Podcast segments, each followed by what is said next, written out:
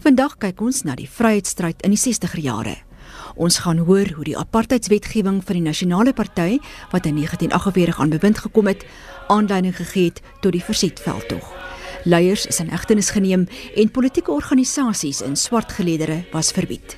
Dinge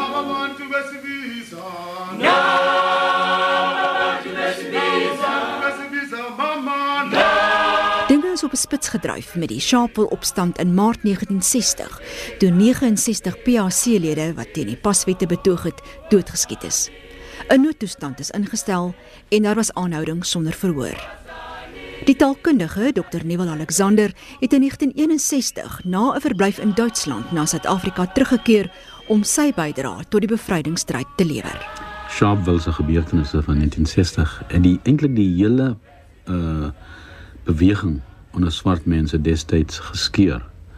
Tussen die wat die uh, vreedsame pad wil kies en die ander wat die gewapende stryd wil voer.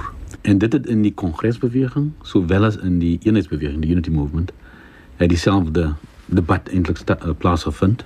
En soos jy weet, het ook die uh, Pan African Congress dieselfde pad geloop. Ons in Suid-Afrika het gevoel dat ons tyd ook aangebreek het niemand van ons het kon besef dat ons nog 30 jaar sou moet wag nie. Almal van ons het gedink veral na die Algerynse gebeurtenisse na die Kubaanse gebeurtenisse. Ons het almal gedink dat ons binne 2 of 3 jaar uh, so ver sou wees. Die hmm. PRC het selfs destyds gesê 1963 the year of liberation. Jill Marcus onthou die 60er jare so. Because of your ideas, you couldn't fit into the society, the white society as it existed. First of all, there was an enormous fear abroad, especially from the 60s when we when that was the time. I mean, 11, 12 years old at the time of Sharpeville. That we were most just coming to real consciousness in a sense. When Mandela was arrested, I was 13, and at school, people were saying, "Well, I hope they hang him," and there was me and my sister and one other person in the whole school trying to say, "What do you mean?" Lionel Davies het toe in distrik 6 in Kaapstad gebly. Those people who were supposed to be the protectors of the community, like the police, were in fact our enemies. People of a dark pigmentation would go out of their way, you know, to try to be respected and acceptable by either, you know, dressing well or going for education or worse than that, straightening their hair, lightening their skin, because in that way they had hoped, you know, to be more acceptable to the colored community. James Bowa, destyds 'n jong pasgetroude onderwyser in Johannesburg. Die stemreg was vir wit mense. Daar was aparte skole, gebiede, vermaaklikheid, soos nou byvoorbeeld sportgronde. Die beste was net vir die blankes. Ellis Park het 'n hokkie gehad vir mense, net so ook die Wanderers. Hier was maar daar so 'n vergunning van hulle kant af time is more right for launching the Republic. In view of what is happening elsewhere in Africa, I appeal to the English South Africa. You could do wonders for good relations by helping the Afrikaner to achieve his greatest ideal of a republic. This is our country, our government, our defense force, our commercial and industrial life, our mines, our agriculture, everything is ours together.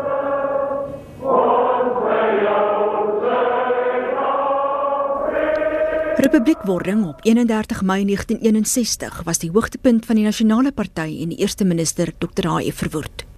Dit volg na 'n referendum waaraan net blankes kon deelneem. We had failed in non-violence, not the other way around, it was claimed. It was forcefully pointed out that the regime had always sought to drown the country in a bloodbath but that non-violence had denied the regime that opportunity. Die stem van Nelson Mandela.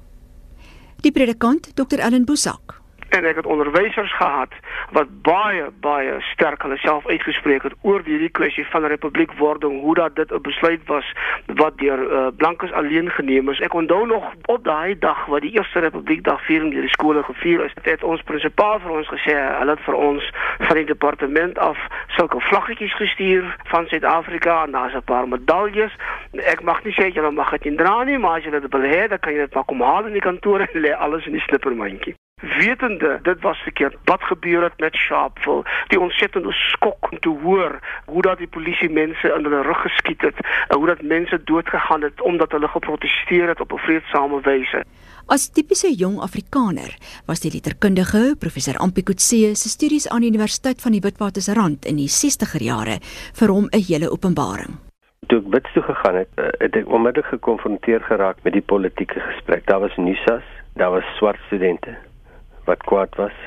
Ek dink my eerste stimulus tot politieke denke was in 1959 was daar die wetgewing teen aparte universiteite en die akademici het 'n protesoptog gehad en in daardie optog was NP van Wyk lê ons professor en Ernst Ernst Lindenberg wat ook daar was.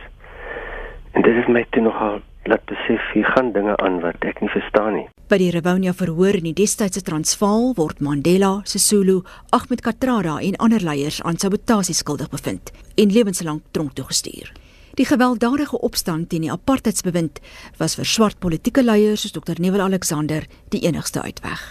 Ek was filosofies so ingestel dat ek nie daaraan geglo het dat die heersende klas sonder geweld die mag sou oorgee nie. Die afgetrede onderwyser van Johannesburg, James Bowa. Nou, hoe praat jy met 'n kind wat al ewig vir jou sê en antwoord? Sê maar meneer, dis mos nou nie reg nie. Apartheid is mos nie reg nie. Hoekom is daar net wit mense in die geskiedenis? Waar was ons? Hoe het ons hier gekom? Hier in die noorde in Gauteng, wat vandag Gauteng is. Dit was mos nie sommer net toeval nie. En as ons hier gekom het, lyk vir my altyd ons het net hier gekom om te werk, om onderdanig te wees. En en, en waarheen gaan ons as ons so aangaan soos ons nou aangaan? Pakom, pakom. Zet je goedjes op je kop. Morgen gaan ons weer ver van die weg. Skip, skop, skip, skop. Wanneer hou die dinge op? Swak rilene voer die blauwe bergen oer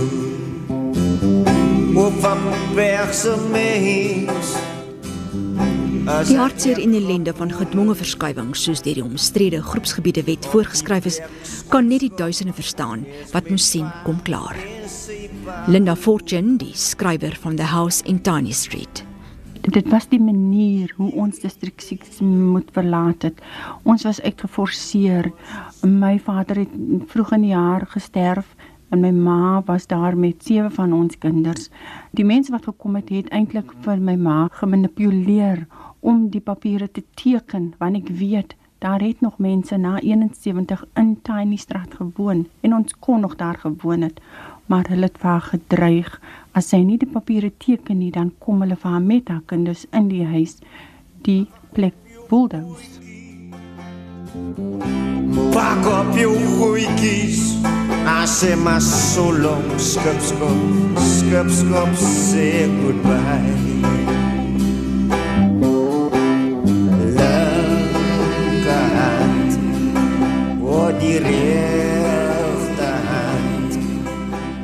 Die uittog uit Safaya Town het hier van 1955 tot die volgende 5 jaar. Maar ons is mense wat Safaya Town geken het toe daar nog swart mense was, net soos met langer aan ons uh, soos hulle dit destyds genoem het Western Native Township. Stawe toe Bishop Tutu hulle skool gegaan het en paar van die ander manne. En uh stawe toe langer aan in Safaya Town waar You Masikela hulle en hy ons vader Adelston, Christ the King, hulle daar van daai area afgekom. Triomf het nooit siel gekry nie. Hy het nooit Sofia Town vervang nie, net soos Albert wil waar hulle die kleerlinge uitgeskuif het, het nooit verrys tot wat die regering gedink het die plek moes wees nie. Inteendeel die mense, die kleerlinge wat hulle uitgeskuif het, het Albert wil wat in Bosmont gaan bly het, van Bosmont 'n gesogte plek gemaak onder kleerlinge. Alhoewel hulle weer moes skuld aangaan om huise te bou, het baie van hulle beter huise gebou. En vir die volgende 20 tot 25 jaar weer moes afbetaal aan huis. Hulle het aangegaan en nie gaan lê nie.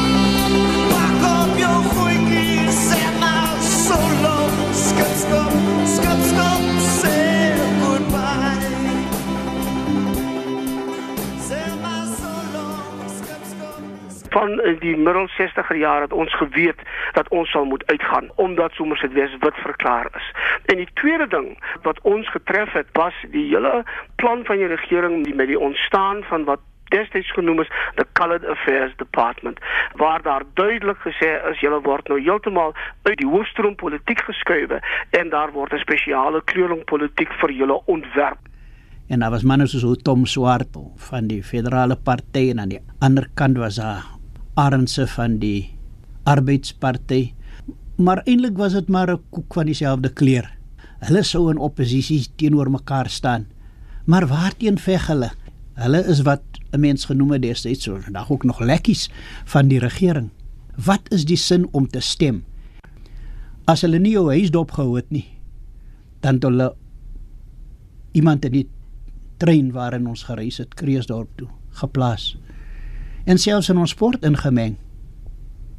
En ons het altyd die spesmaas gehad dat ons afgeluister was. Dat jou huis heel moontlik kon gebug was. En was daar spioene, sogenaamde spioene in die gemeenskap? Ons het van die ouens geken. Ons het byvoorbeeld saam met ons elke oggend op die trein Kreeusdorp toe was daar 'n sekere Desmond veiligheidspolisie van Indiër afkoms. En daarin 'n nuclear waar ons gebly het was daar 'n ou met wie ons vrylik verkeer het met die naam van Harry Akir. Aan albei kante van my het daar polisie gebly. Dan was aan toe ons se kinders so klein was, was daar 'n sergeant Taylor wie se kind saam met my kinders by die uh, skool was. En mens moes maar saam met die mense lewe. Jy kon hulle nie gaan assassineer nie, dit het later aan gekom. Het dit mense 'n bietjie versigtig gemaak oor waaroor jy praat en hoe jy optree nie? Dit het, dit het, maar hier teen die einde van die 60er jare het daar 'n wending gekom in in die 70er jare die tyd van Steve Biko met sy black consciousness. Het baie mense gesê maar ons gee nou nie meer om nie. Ons gee nou nie meer om nie. Ons kan nie vir altyd net ja boeties en ja basse bly nie. Wat gaan ons se kinders ons eendag vra en wat vra die kinders vandag? As mens moet terugkyk nou nou wat jy ervaar het wat antwoord jy vir die kinders as hulle vra? Uh, baie van die kinders sê die beweging wat verandering meegebring het het gekom van binne. Dit het vir Steve Biko gekos en dit het die Soweto onluste gekos en dit het selfs die bewuswording onder kleerlingskoolkinders gekos om die groot mense onrustig te maak Professor Ampikotse was destyds as 'n jong en naïewe student genader om van alle dinge 'n spioen te word vir die apartheidsregering. Toe sit daar 'n man netjies aangetrek, swart skoene en so. Hy's toe offisier in die veiligheidspolisie. Ek was toe nou al omtrent in my eerste honeursjaar in Afrikaans. En hy sê toe vir my, hulle is bereid om my studies te betaal as ek van die studenteorganisasies by hulle kan aansluit en uitvind wat daar aangaan.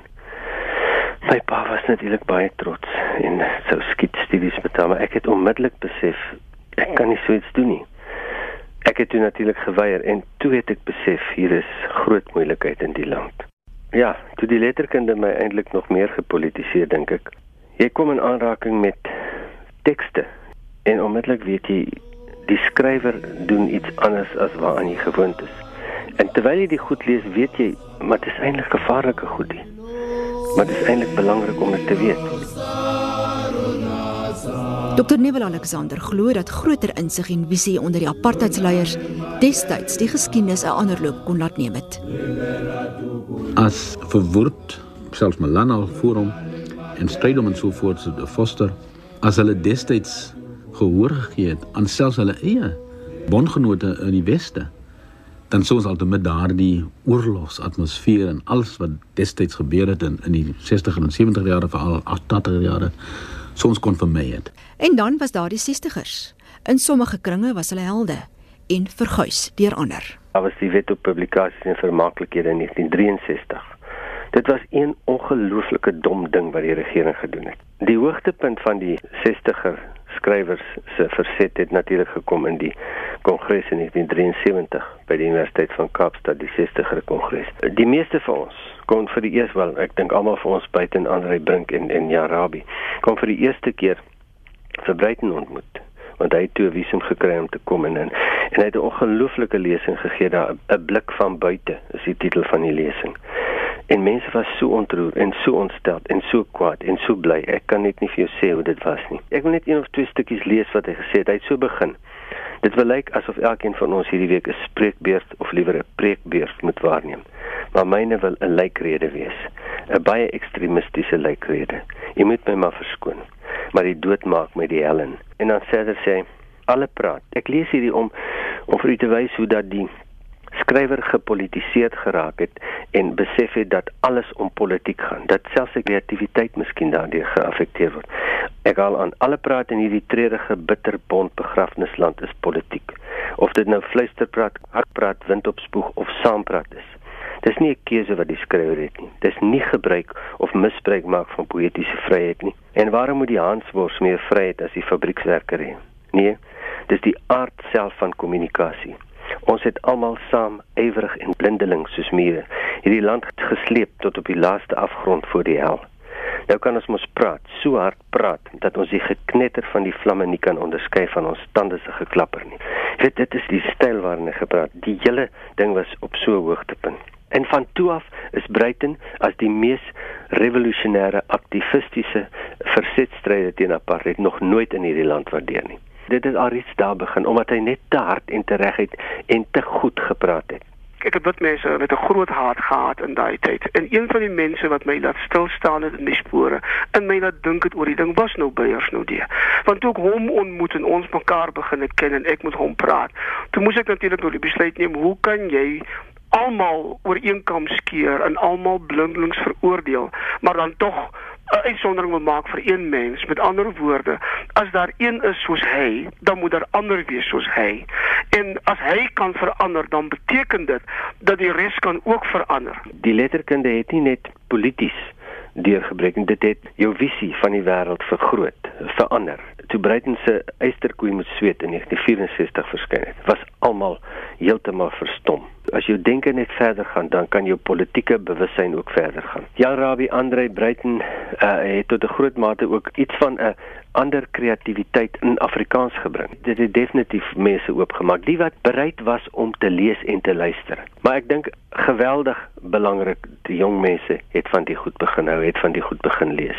En selfs die hofsaak met Breiten se gevangenes het jong mense gelok om te sien hoe lyk die man wat hierdie stelsel op sy eie wou soort van deurbreek.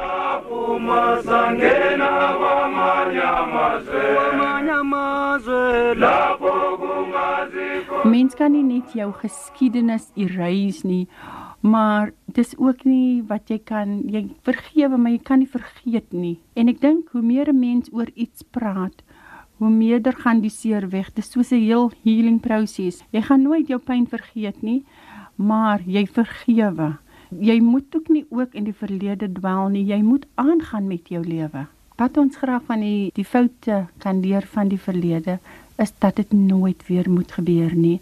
Dit maak nie saak wie jy is of wat jy is nie. 'n Mens se gevoelens moet gerespekteer word en sulke dinge wat so sensitief is, moet meer delicate behandel word. Ek was 'n kind in Somerset West wat 9 uur as die polisiestasie se hoeter blaas dat ons al net mekaar gesê het, "O, oh, alle hart nou sê die dorp het hardloop dat jy oor die treinspoor kan kom." En sulke goed wat my lewe gekenmerk het as kind en gebrandmerk het as jong mens. Daai goed hoef my kinders nou nie eens meer aan te dink nie. Ek dink dit is wat ons kinders nou vandag sê. Mamma en de was deel van die struggle. Dat jy daar was by die onderwys dat julle daar was by die sport. Julle het nou nie uitgegaan met wapens en goede opgeblaas en so meer, maar julle het mense voorberei. Jy moet net nie stil bly as daar teen jou gediskrimineer word nou weer aan die ander kant nie want hulle sê ons altyd ons kleerlinge bly maar altyd in die middel. Jy moet jou stem ophef, jy moet praat. Dis ons almal se land. Dis ons reënboogland.